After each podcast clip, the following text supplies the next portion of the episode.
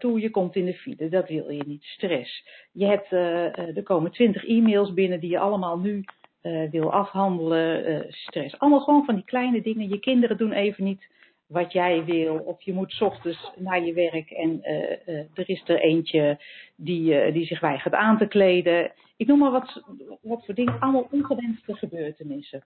Mhm. En omdat ja, het leven een aaneenschakeling is van gebeurtenissen, denk ik van als je kan doorzien uh, hoe je die stress creëert in jezelf, dan levert dat van dag tot dag, van, van moment tot moment, uh, zoveel uh, ontspanning op, zoveel minder ergernis. En, en daarom vind ik dit, dit een favoriet onderwerp. Ja, en dan, en dan heb je het eigenlijk nog over de, ja, de kleinere irritaties, de kleinere teleurstellingen. Uh, maar in de aankondiging van deze radioshow gaven we natuurlijk ook aan van ja, er zijn ook die ernstiger teleurstellingen. Uh, of die ernstiger ongewenste gebeurtenissen waar, uh, waar je flink stress van kan krijgen. Zoals bijvoorbeeld ontslag, of een ernstige ziekte, of een verbroken relatie, of een verbouwing die misloopt en waar misschien wel 30, 40, 50.000 euro extra geïnvesteerd moet worden om het huis eh, een beetje te krijgen zoals je het wilt. En dan hebben we het over, over minder dan de dagelijkse irritaties. En, en toch zeggen wij, ja, de een lijkt groter dan de ander, maar het systeem werkt op dezelfde manier. Ja. Eigenlijk zeggen wij, ontslag of een uh, kind dat niet doet wat je wil, is eigenlijk van dezelfde orde van grootte. Ja, en, en, en dat is interessant om naar te kijken, inderdaad. ja, ja. en dan kan ik me al voorstellen dat, uh, dat onze luisteraars zeggen: ja, hoor eens, um, uh, ontslagen worden is natuurlijk wel echt iets heel anders. Want daar hangt je levensonderhoud van af. Um, dat betekent dat je wellicht de hypotheek niet kunt betalen, dat je je, huis uit moet. Dat is toch echt een, een ander soort stress, een andere ongewenste gebeurtenis dan mijn dochtertje van 2,5 dat juist vanochtend besluit dat zij zelf um, dat zij zichzelf kan aankleden, maar daar nu al drie kwartier mee bezig is. Ja, ja het, het lijkt van een heel andere orde van grootte. En uh, zoals wij dat bekijken, is eigenlijk dat het een, een, uh, een andere hoeveelheid gedachten zijn. Hè? Een, andere, uh, een andere pool van gedachten. En hoe meer het aantal gedachten is wat het onderwerp maakt tot wat het is, hoe groter het onderwerp lijkt te zijn. Tenminste, dat is zoals ik het inmiddels bekijk, hè, we, we, hebben het nu net even over ontslag. En jij noemde al uh, allerlei uh, implicaties daarvan. Je kan daar heel veel bij bedenken en het lijkt ook of daar heel veel bij hoort. En daardoor lijkt dat onderwerp zo groot. Hetzelfde als, hetzelfde als bij ziekte en, en, en hadden we nog meer voor grote dingen verzonnen. Een verbroken, ja, verbroken relatie hadden we bedacht. Ja, ja. Ja, en, en, en eigenlijk, het is niet eens zo dat het onderwerp uh, groot of klein is. Het is alleen hoeveel gedachten hebben wij daaromheen. En hoe, met hoeveel gedachten creëren wij de grootte van het onderwerp.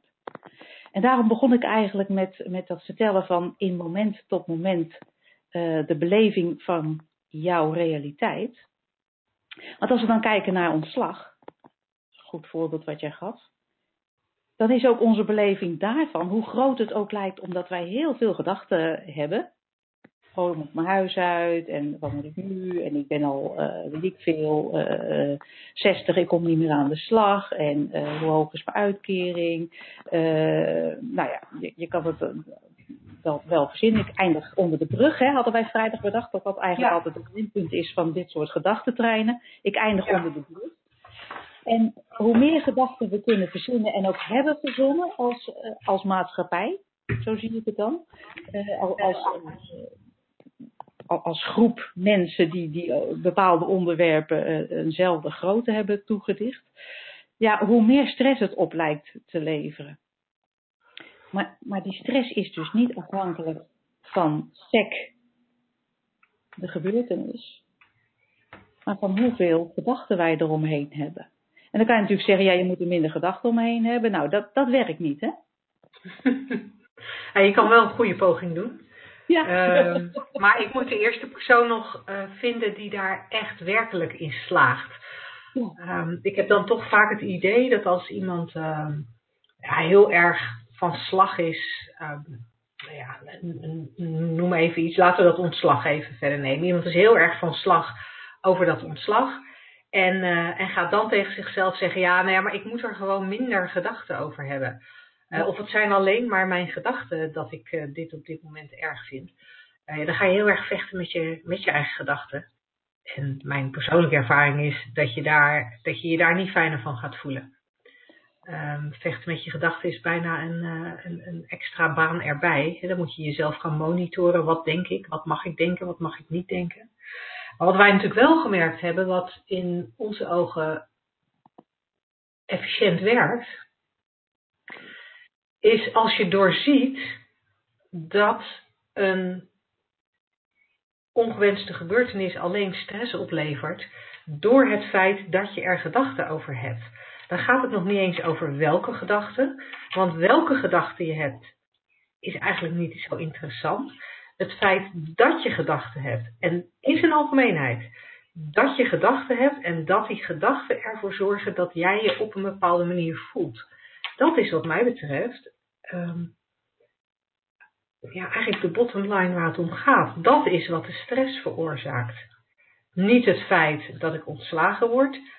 Niet het feit dat ik mijn auto in de prak rijd. Niet het feit dat ik deze maand geen omzet draai. Niet het feit dat mijn uh, nieuwe houten tuinmeubilair na één winter al totaal bemost en beschimmeld is.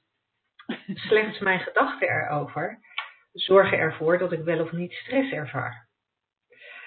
Maar wat ik eigenlijk ook nog heel interessant vind, uh, en daar hebben we nog niet aan geraakt, is het feit dat dat we iets een ongewenste uh, gebeurtenis labelen.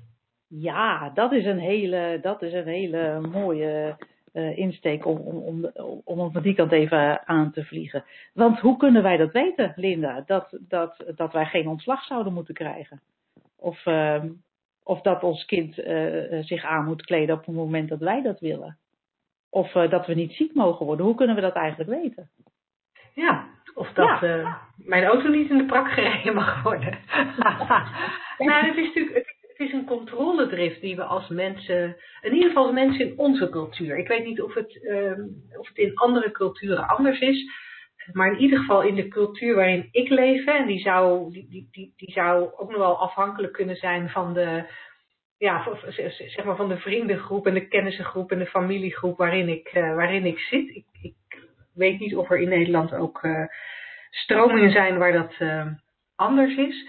Maar voor zover ik onze cultuur ken, um, vinden wij dat we controle kunnen hebben over wat ons gebeurt. En willen we in ieder geval heel graag controle hebben over wat ons gebeurt. Zeggen we al snel van, ja, weet je, religieuze mensen zeggen misschien het is Gods wil. Uh, maar dat is natuurlijk onzin. Je leven is maakbaar. Uh, en vervolgens doen we heel erg ons best om dat leven maakbaar te maken. En, en, lopen we er eigenlijk steeds tegen aan dat het leven gewoon zijn eigen ding doet. Het leeft gewoon. Dat, ja, weet je, het, uh, het regent wanneer ik net van plan was om in de zon te zitten. Vanochtend nog om zes uur appte ik jou om te zeggen, zullen we vandaag lekker in de tuin gaan zitten, gaan zitten werken. ik had nog niet het weerbericht gekeken, het was nog donker, maar de haan kraaide en die had mij wakker gemaakt. En uh, um, vervolgens kom ik er anderhalf uur later achter dat, dat er eigenlijk helemaal geen goede voorspellingen zijn voor vandaag.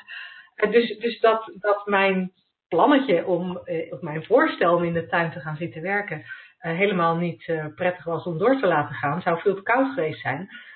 En alleen bij dat weer zijn we daar aan gewend. Accepteren we over het algemeen dat we dat niet onder controle hebben. Ehm, dus, dus doen we daar ons best niet meer voor. Maar vervolgens hebben we in mijn ogen totaal, ehm, als, als totale misvatting, bedacht dat we wel kunnen controleren hoe de rest van ons leven gaat. En dat we wel kunnen beoordelen wat het beste voor ons leven is. Ja, ja. En dat vind ik fascinerend. Ja, dat is een, dat is een hele grote. Wij denken echt dat, dat, dat wij eh, met onze persoonlijke gedachten kunnen vaststellen of iets goed of slecht voor ons is. En, en dat kunnen we gewoon niet. Dat kun je gewoon beter vergeten. en dat maar kan, je dan, kan je dat dan even, even wat duidelijker uitleggen? Want, want wij hè, zijn het roerend met elkaar eens op dit punt. Dus ik, ik ja als jij dat zegt. Maar ik kan me voorstellen dat er luisteraars zijn die zeggen: nee, nee, nee, slagersdochters. Dat klopt niet. Wat jullie zeggen. Nou, ik vind een, een mooi voorbeeld. Een, uh, twee jaar geleden hadden wij, uh, zaten wij in Portugal een winter in een appartement in een groot oude verbouwde quinta. En ehm, daar zouden wij tot eind maart blijven en, en ook gasten ontvangen. Dat stond allemaal gepland. Alles in kan en kruiken, helemaal mooi. En op een op een dag komt de eigenaar, er was iets gebeurd, de, de, zoon van de eigenaar en de eigenaar zelf was overleden. In ieder geval, lang verhaal kort, wij moesten diezelfde dag eigenlijk nog vertrekken, want dat huis werd ergens anders voor gebruikt. En dan zou ik kunnen zeggen van nou, dit, dit is dus slecht voor mij, want ik heb hier gepland nog een maand te zitten. Ik heb, mensen zijn hier uitgenodigd, zijn appartementen gereserveerd, dan moet ik die nu ontvangen. En, en het interessante was, omdat destijds keek ik ook al deze kant op. En omdat je op een gegeven moment een soort gaat twijfelen aan je eigen, aan, de waarheid, aan het waarheidsgehalte van je eigen gedachten, komen er ook niet meer zoveel uh, gedachten op van verzet, is mijn ervaring. En het was heel interessant om te zien. Dus, dus die man die belt, s ochtends heel vroeg echt, het was, het was zeven uur of zo. Van nou, eigenlijk moeten jullie er vandaag al uit. Vader is overleden, bla bla. En het enige wat in mij opkwam op dat moment was, nou, dan ga ik zeker verhuizen vandaag. En het was interessant om te zien dat ik deed toch even de was en maakte schoon. En, en mijn geliefde pakte de auto in en regelde iets anders. En uh, dezelfde dag hadden we andere accommodatie voor de gasten die nog zouden komen. En dat gebeurde in een soort flow van, oh, nou, blijkbaar gaan we, gaan we dat doen. En toen kwamen we ook nog ergens terecht waar we dan ook weer op een andere manier van dienst konden zijn en, en een hele leuke omgeving ontdekten. En nou ja, en voor onze gasten was het, was het ook fantastisch om, om te zitten waar ze vervolgens terecht kwamen. Nou, ik kan allemaal uitleggen waarom dat was, maar dat is verder niet zo interessant. En het maakt het leven zo'n stuk makkelijker als je diep van binnen weet dat je niet kan weten wat goed voor je is. En, maar dat het leven gewoon gebeurt. Ja. Het levert een hoop minder stress op, want je hoeft er niet tegen te vechten. Je hoeft er niet tegen te verzetten. En natuurlijk zijn er dingen te doen. Ik moest echt die dag alles inpakken, schoonmaken, uh, wegwezen, accommodatie regelen, weet ik veel. Er zijn wel dingen te doen. Dat, hè, je staat in de file, ja, je moet je baas bellen of je klant dat je wat later komt. Ehm, en toch met de wetenschap kijkend in de richting uh, waar wij in wijzen, je, het enige wat je kan beleven zijn je gedachten in het moment. En die zijn stressvol of niet. Die zijn aanwezig of wat minder aanwezig. Dat dat het enige is wat je in het moment kan beleven en niet de omstandigheid. Ja, maakt gewoon dat, je, dat de omstandigheden gewoon een stuk minder uit gaan maken. En dat jij dus zelf een stuk, ja, handiger wordt, zou ik het bijna willen zeggen. Een soort makkelijker respons hebt op dingen die gebeuren, die je aangereikt worden. Heb jij die ervaring ook? Ja, en, en ik heb, uh, het voorbeeld wat jij nu net gaf, was natuurlijk prachtig dat je, dat je zo in het moment kon reageren. Uh, ik merk aan mezelf dat ik dat ook steeds vaker heb. Uh, dat ik, dat ik nou ja, accepteer wat er is en daar verder niet mee in strijd ga. En, um, en, en niet, niet vasthoud aan het plaatje wat ik had wat ik had bedacht en wat nu niet uitkomt. maar, maar, maar, maar natuurlijk zijn er ook nog momenten waarop ik wel um, eventjes zo'n gevoel heb van, hè, dat ik ergens heel erg op gerekend heb of me heel erg op verheugd had. Uh, en dan gaat het niet door. Ja. En dan heb ik nog steeds soms zo mijn gedachten.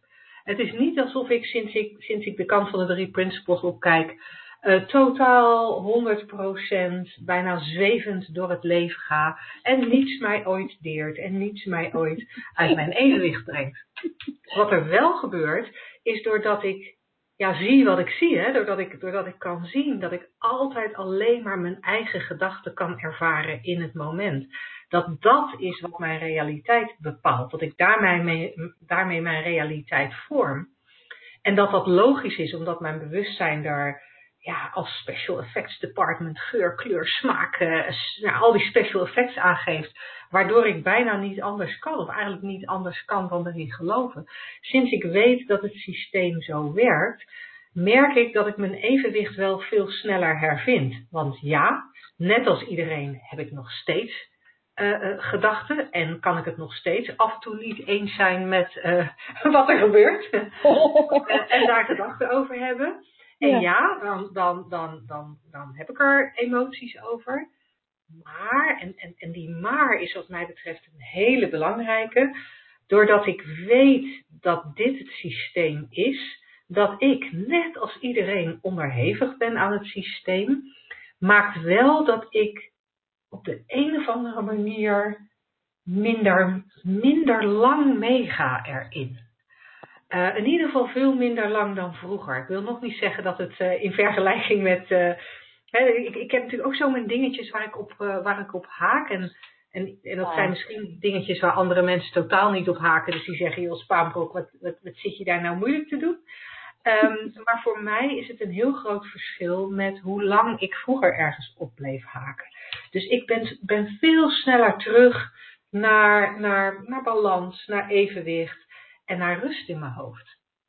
En dat, um, ja, dat, maakt, dat maakt het omgaan met ongewenste gebeurtenissen wel een stuk makkelijker. En ik ben me daar ook heel erg van bewust.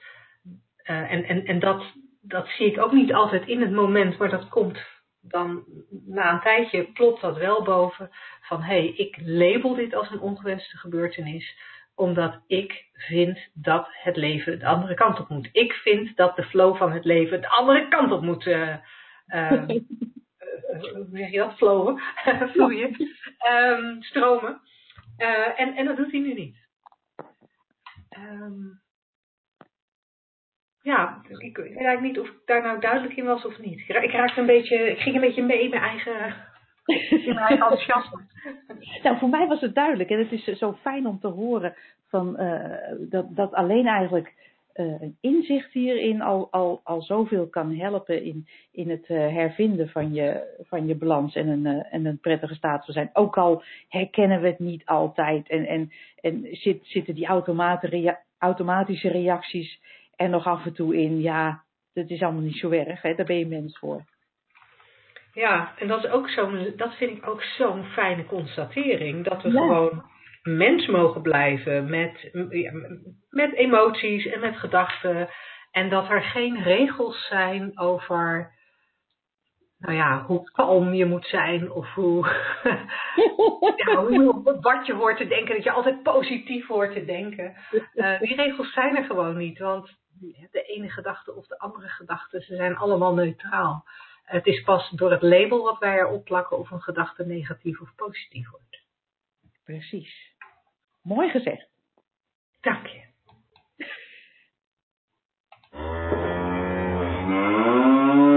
Slagersdochters, wat zit er in de leverworst? Oftewel, tijd voor wat wetenschap. Ja, tijd voor wat wetenschap. Um, ik heb een artikel gelezen uh, over psychologie met een nogal bijzondere insteek. Uh, het is een interview met een uh, professor van Yale, niet de eerste, de beste universiteit. En die professor, psycholoog dus, heet Paul Bloem en die heeft een boek geschreven over onderzoek wat hij gedaan heeft. En dat gaat over het begrip empathie. Empathie vinden we meestal uh, een goede eigenschap in mensen. Je kan ja, ja meeleven.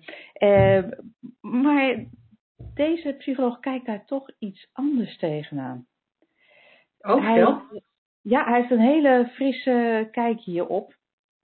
En hij zegt, ja, empathie, dat, dat klinkt in de, in de oren van de meeste mensen wel mooi. En die, die, die uh, associëren het met moraliteit, met je best doen en een goed persoon zijn. Maar uh, als psycholoog zie ik, dat, zie ik dat toch heel anders. En het is heel belangrijk om het onderscheid te hebben, want empathie is dat je jezelf in de ander verplaatst. Nou, dat lijkt nog steeds een goed idee te zijn uh, in de ogen van veel mensen. Hij zegt het is voelen wat iemand voelt met de nadruk op de pijn en de misère van de ander en dat is nooit een goed idee. Als je het op die manier uh, omschrijft, ben ik het geheel met me eens.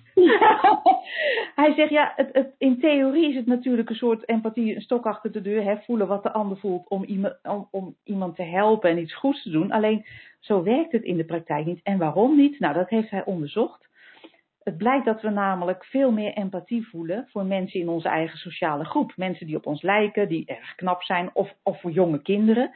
Dus onze empathie is eigenlijk ontzettend bevooroordeeld. Hij zegt, en bovendien richt het zich meestal maar op één persoon. En daarom uh, zijn wij bijvoorbeeld heel erg aangeslagen als we uh, een, een, aangespoeld uh, peutertje zien, een vluchteling. Hij zegt dat lijden van ons doet, doet uh, van één persoon doet ons veel meer dan het lijden van hele volkstammen. En dat is gewoon niet slim in het grotere geheel der dingen. Hij zegt, en als het nou in één op één gevallen uh, uh, betreft, dus, dus je ziet een omaatje struikelen en je denkt, oh, het zal die mevrouw pijn hebben en je raakt erop. Hij zegt, nou, dat is natuurlijk wel, wel een goed idee, maar de, neiging die wij hebben, dat er iemand bijvoorbeeld sterft aan, aan de. Één kind sterft aan de complicaties van bijvoorbeeld een, een, een, bepaald medicijn, wat bij, bij alle andere gevallen heel goed werkt. En dan kan je zeggen, ja, uh, als je dus erg empathisch bent, zeg je, help dat kind en, en verbied dat medicijn. Maar voor het grotere geheel is dat helemaal niet goed. Dat is een van de voorbeelden die hij geeft. Hij zegt, empathie heb je, dat reduceert ons tot wezens die alleen maar korte termijn keuzes kunnen maken. En daar heb je in het, in het grotere geheel niet zo uh, veel aan. En uh, degene die het interview heeft afgenomen, die zegt maar, ja, als ik dan kijk naar Donald Trump, dan denk ik van nou, daar kan wel een onsje empathie bij. Dat zou die man sieren. Nou, dat, ook, ook daarvan heeft uh, professor Bloem, uh, ook daarvan heeft hij een heel ander idee. Hij zegt nee, dat is juist niet. Want uh, empathie is een van de voornaamste redenen dat die man überhaupt verkozen is.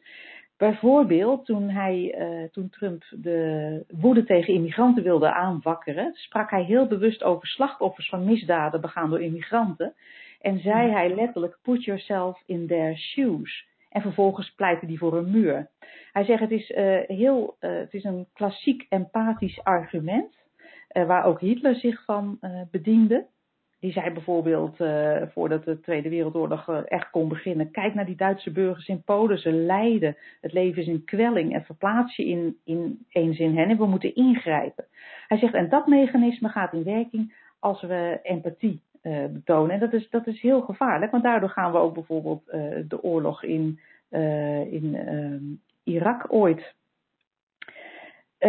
hij zegt, ja, het is echt buitengewoon recalcitrant wat deze meneer beweert. Het onderzoek wat hij gedaan heeft, daar blijkt ook uit dat mensen die over veel empathie beschikken ook buitengewoon oorlogzuchtig zijn vaak. Oh ja? Dus, ja, als je heel erg empathisch bent, zegt hij, en je hoort over het lijden van kinderen of mensen die erg op jou lijken, wil je namelijk terugslaan. Dat onrecht, dat mag niet, daar moeten we tegen optreden. Hij zegt maar hoe, over hoeveel empathie je ook beschikt, je zult nooit evenveel voelen voor de mensen die lijden als voor de mensen die dat lijden veroorzaken. Dat is dan ook weer heel interessant. Hm.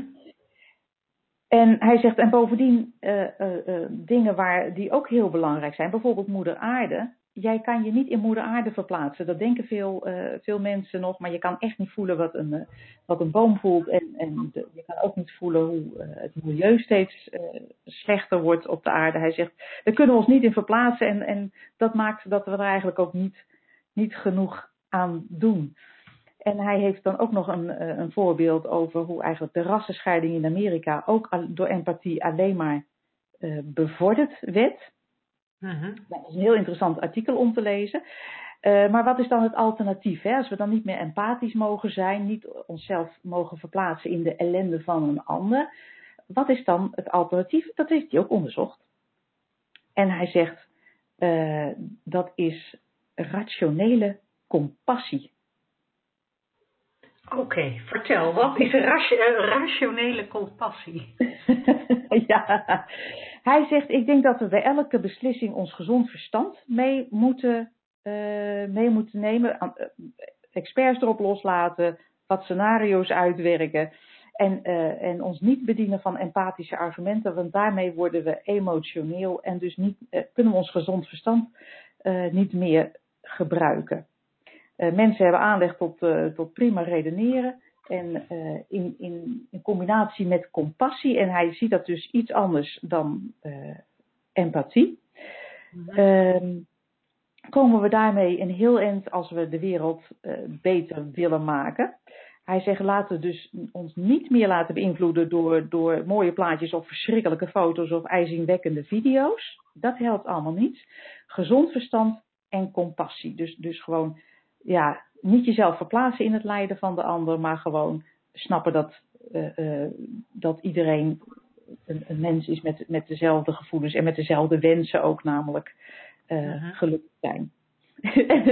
hij, hij, sluit, hij sluit af met, dat vind ik een hele mooie in het kader van de programma's die wij ook willen ontwikkelen, Linda, voor de Shift Academy, over bijvoorbeeld opvoeding. Want de vraag die aan deze professor gesteld werd, was onder andere: heb je wel eens uh, zelf ondervonden dat empathie heel onhandig is? Hij zegt ja. Hij zegt, de moeilijkste momenten die ik als vader heb gehad, waren niet die waarop ik te weinig empathie had, maar waarop ik bijna omkwam in de empathie.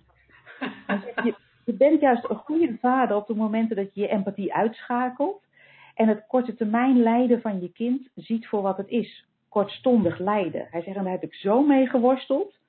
Uh, uh, maar, maar, maar, nu zie ik het, van ik moet mij niet verplaatsen en meegaan lijden, want dan ben ik niet van nut voor dit kind.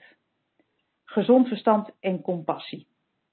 Ja, ik vind het heel boeiend. Wat, ja. ik, er, wat ik er mis, um, is, is het feit dat um, empathie alleen maar kan bij de gratie van het feit dat je gedachten hebt over de situatie van iemand anders. Ja.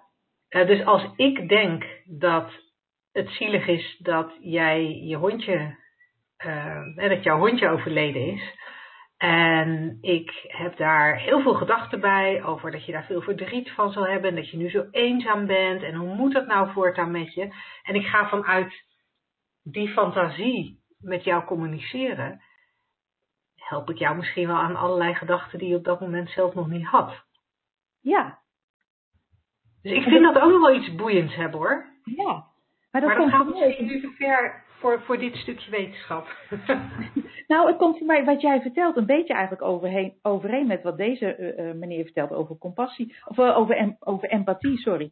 Uh, van, van, je gaat jezelf in die ander verplaatsen, maar je kan niet het, dat is niet nuttig. Je kan inderdaad, wat jij zegt, is eigenlijk nog een, een extra aspect daaraan. Je kan inderdaad niet weten hoe die ander eventueel lijdt of niet lijdt, ook al ziet het er vreselijk uit.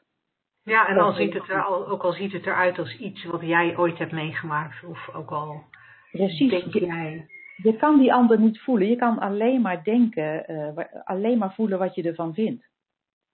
Ja. En dat is nooit wat die ander ander vindt of voelt of, uh, of denkt. Nee, precies. Dat, dat vind ik het fascinerende. Daar hebben we het in de radio-uitzending volgens mij niet zo heel vaak over. Uh, maar dat is een van de fascinerende aspecten voor mij. Dat we doordat we allemaal de realiteit alleen maar kunnen ervaren via onze eigen gedachten. Dat we ook allemaal een andere realiteit hebben. En dat dat ik niet in jouw realiteit kan komen en jij niet in de mijne. En we denken het soms, hè, doordat we het met elkaar eens zijn, zoals nu tijdens de radio-uitzending. Oh, wat zijn we het met elkaar eens. Jeetje, wat snappen we elkaar goed. Ehm, maar ja, in werkelijkheid zit jij nog steeds in jouw realiteit en ik in de mijne. Ja, precies. En dat zullen we nooit van elkaar uh, uh, kunnen, kunnen weten hoe, hoe de realiteit van die ander uh, eruit ziet, hoe die vormgegeven is. Want die ander heeft een, ja, een, een 100% inderdaad zijn eigen gedachten en zijn eigen beelden daarbij. En dat is wel heel handig om te weten in relaties. Hè? Dus, maar dat is weer een onderwerp voor een andere keer. Ja, nou, ik ben, die bewaren we tot dan. Ja, Zeg, slagersdochters, hoe bak ik die vegaburger? Over naar de luisteraarsvraag. Nou, ik had uh, nog een vraag van vorige week liggen. Oh ja, nou laten we die dan doen, want er is nog niets binnen op de mail op dit moment. Oké. Okay. Uh, er is een vraag van Martine. En die zegt: uh, Ik merk dat ik door met name Facebook enorm ga twijfelen aan het feit of ik wel met de goede dingen bezig ben. Ik zie bijvoorbeeld dingen over tiny houses en twijfel of ik niet in een te groot huis woon. Ik zie advertenties over succesvolle mensen en voel me een loser omdat ik niet zo succesvol ben. Ik zie gelukkige stellen en twijfel aan mijn relatie en die twijfel geeft heel veel onrust. Hoe stop ik met twijfelen? En nog heel even erbij, de, dit was natuurlijk een vraag naar aanleiding van het onderwerp van vorige week. Hoe bewaar je de rust in dit informatietijdperk? Oh ja. Um, ja, dus Martine ervaart vooral heel veel twijfel door dingen die op haar afkomen via, nou ja, social media, maar ook gewoon dingen om haar heen. Ja, dat, dat, dat, dat klinkt nogal stressvol. En, ja, het klinkt, met, klinkt met name ook gewoon uh, helemaal niet fijn. Nee, nee, dat klinkt helemaal niet fijn. En het is, het is grappig dat wij zojuist het vorige onderdeel afsluiten eigenlijk met, uh, met, met, uh, de richting die dan handig is om in te kijken. je kijkt op Facebook. Je hebt gedachten over, over, over posts die daar staan. En creëert daar met die gedachten je hele eigen realiteit van. Die niets te maken hoeft te hebben met uh, hetgene wat uh, gepost is door degene die dat neerzet op zijn Facebook wall, heet dat geloof ik. Dat is wel grappig. En wij denken dan van, oh, ik, ik ga me nu onzeker voelen omdat, om, om, omdat mijn leven er niet uitziet zoals het leven daar. Maar we hebben eigenlijk geen idee um, um, van wat er daadwerkelijk uh, van de realiteit die, die uh, ja, het is eigenlijk volkomen random natuurlijk van wat een ander laat zien en, en wat jij daar vervolgens van maakt. Het is, het is bijna, sorry, het is bijna een overtreffende trap van die separate realiteiten waar we het net even over hadden. Ja, precies. Dus je, je ziet allerlei uh, uh, leuke ideeën voorbij komen. Nou ja, de een denk je misschien, ja, dat is leuk, dat ga ik ook doen. En de ander misschien denk je, hé, hey, dat past niet bij mij. En het is heel interessant dat we dan blijkbaar ook uh, gedachten kunnen hebben, dat er gedachten opkomen, dat we overtuigingen hebben. Hè, want niet al onze gedachten zijn even duidelijk waarneembaar, zijn we ons even bewust van. Dat is geloof ik maar, maar een heel klein topje van de ijsberg waar we ons bewust van zijn. Maar dat is het enige wat we, wat, we kunnen ervaren en waarmee we onze realiteit creëren van moment tot moment. Dus als ik zie. Um, het, het, is echt allemaal van binnenuit gecreëerd. Dus als iemand zegt van tiny houses is een goed plan en uh, daar zou de hele wereld aan mee moeten werken. Dat is volkomen een neutrale, een, een, neutrale mededeling. Totdat onze gedachten, onze overtuigingen daarmee aan de haal gaan. En misschien hebben wij de overtuiging sowieso van, nou, ik, uh, ik, ik weet niet zo goed hoe het, uh, hoe het moet in dit leven. En met die bril op, deze post lezend over tiny houses, daar is de twijfel. Misschien hebben wij uh, ooit geloofd dat, dat wij materialistischer zijn dan we zouden moeten zijn. Ik noem maar een random gedachte. Volkomen willekeurig welke gedachten we ooit opgepikt hebben. Uh, uh, uh, welke, en welke er in het moment opkomen of spelen. Um, en, en, wij kijken dus met die gedachte, ik ben te materialistisch, naar zo'n post. Tiny houses is een goed idee. En hup, wij creëren weer een gevoel van, ik doe het niet goed. Of ik moet het misschien anders doen. Het is heel interessant. Ja, en ik heb, ik heb wel eens het idee dat. Uh, en ik, ik, zeg niet dat dit de waarheid is, hè, maar als ik het zo observeer bij mezelf, dan heb ik, dan heb ik wel eens het idee dat um, twijfel, een, uh, en zeker als je veel twijfelt, uh, en dat is wat Martine zegt, hè, van hoe kom ik van die twijfel af, dat twijfel ook een soort gewoonte is. Een gewoonte om altijd um, een, een, een gedachte te vormen die het tegengestelde is van wat je eerst dacht. Uh, je, je, je, je, eerst dacht je dat je prima woonde in je huidige huis en je ziet iets over tiny houses en je gaat het tegenovergestelde denken. Um, je zou kunnen zeggen, Martine, dat het, een, dat het een, een teken is van het feit dat je heel flexibel denkt en Ehm, eigenlijk altijd de voor's en tegens van, van elke situatie of elk ding kunt bedenken. Alleen op de een of andere manier lijkt het dan haast wel alsof het. En daar vul ik even heel erg in, hè, maar kijk wat je, er, eh, wat je ermee kan.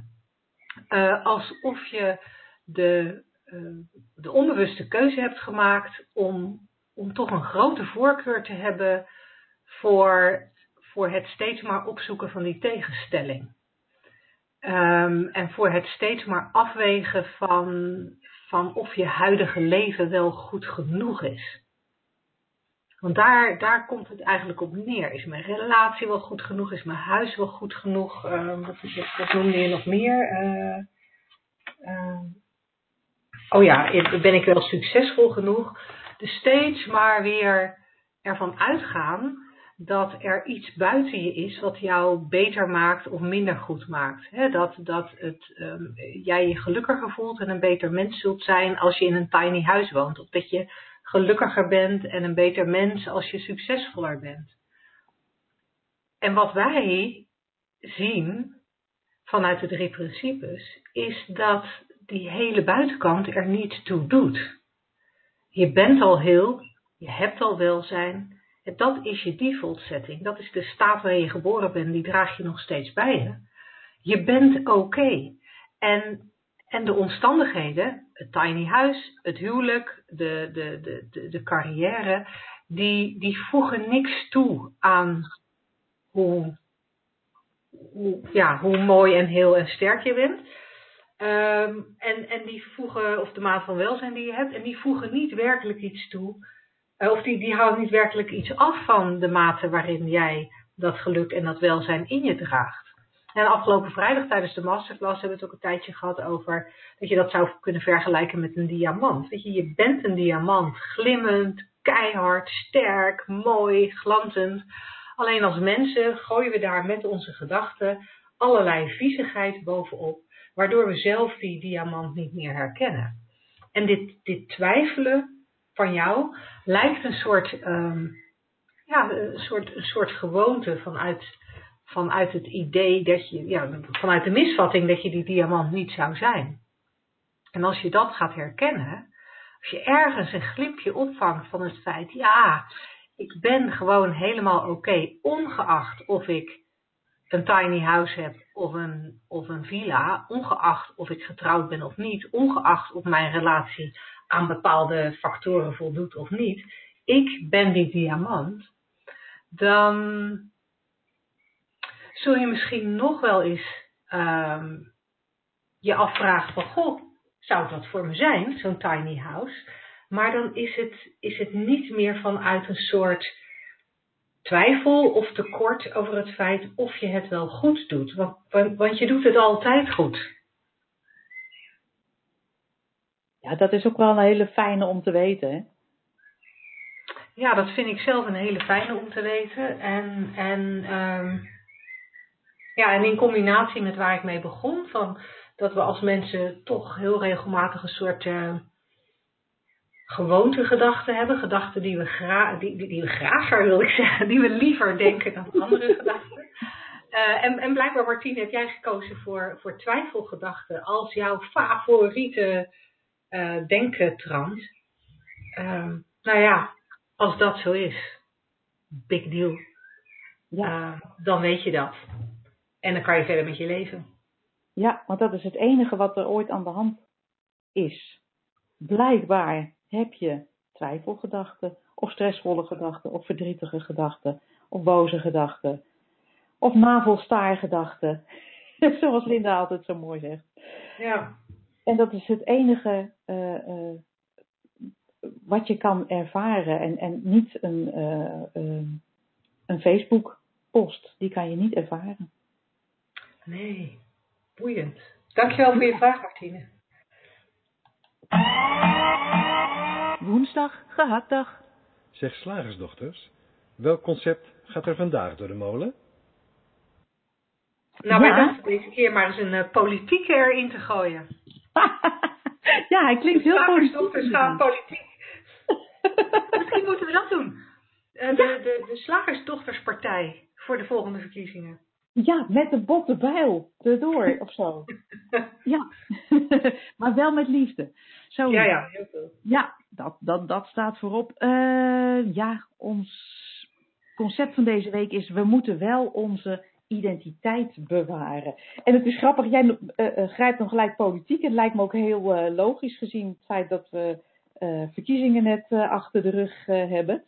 En toen die in mij opkwam, toen had ik een bedrijfsidentiteit eigenlijk voor ogen. Dus dat is ook weer heel grappig. Sorry, ik verstond even niet welke identiteit? Bedrijfsidentiteit. Oh, de bedrijfsidentiteit.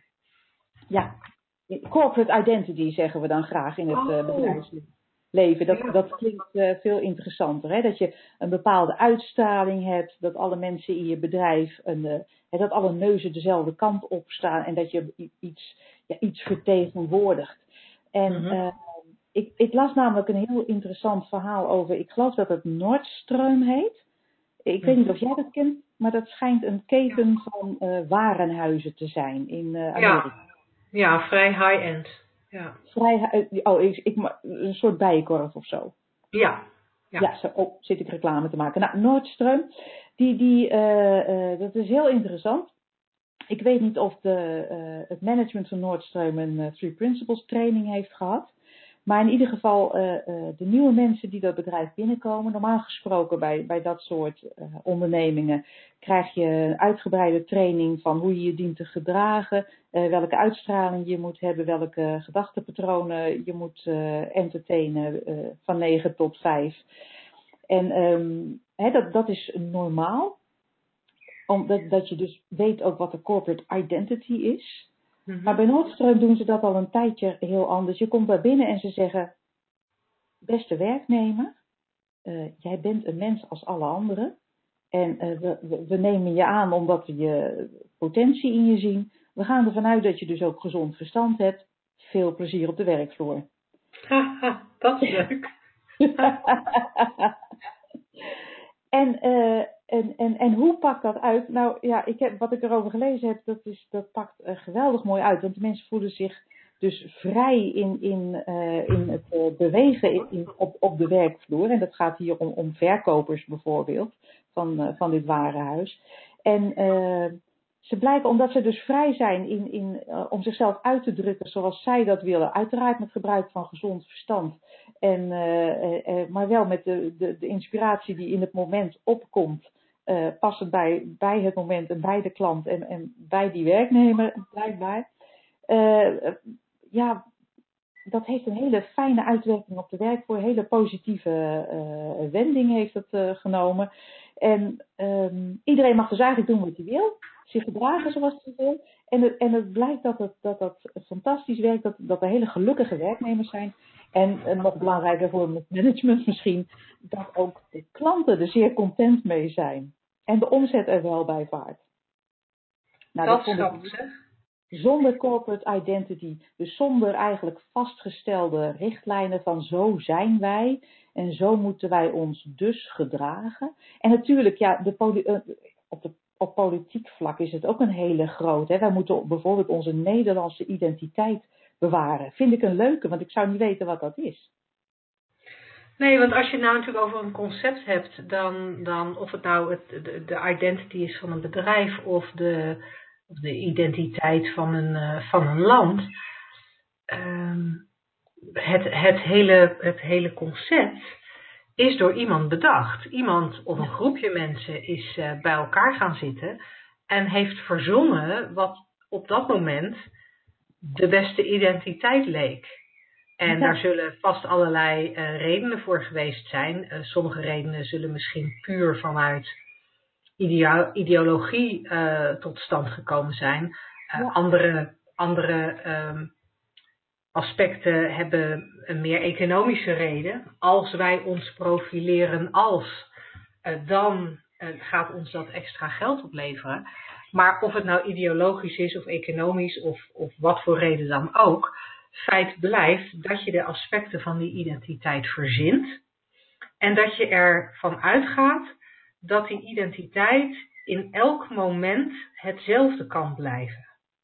En dat vind ik een hele rare, als je ziet dat wij als mensen van moment tot moment niet in staat zijn hetzelfde te blijven. Dat denken we wel van onszelf, maar als je heel goed kijkt, zie je dat iemand met elke nieuwe gedachte anders is. Anders reageert, een ander humeur heeft, um, andere dingen doet. Ja, en we, we baseren ze dat ook vaak op een verhaal uit het verleden. Hè? Van ja, zo hebben wij dat altijd gedaan. Nou ja, dat is natuurlijk ook een, uh, een, een willekeurige uh, vaststelling in de tijd. Uh, bijvoorbeeld, ik, ik, noem iets als um, een, een, culturele traditie die we dan schijnen te hebben. Nou, dat is, dat is echt niet al uh, begonnen bij het begin der mensheid. Dat is ooit een keertje ontstaan. Ooit een keer bedacht, zoals jij terecht zei. dan gaan we zeggen, nee, zo doen we dat hier altijd. Dus dat mag ook niet veranderen. Heel interessant. Ja, ja. En we zeggen het inderdaad ook over onszelf. Van, van nou ja, ik ben nu eenmaal zo, dat het is onderdeel van mijn identiteit. Ik sprak, heb ik wel eens verteld geloof ik, dat ik een keer geïnterviewd werd door een, een mevrouw van een, uh, een blad voor ex-verslaafden.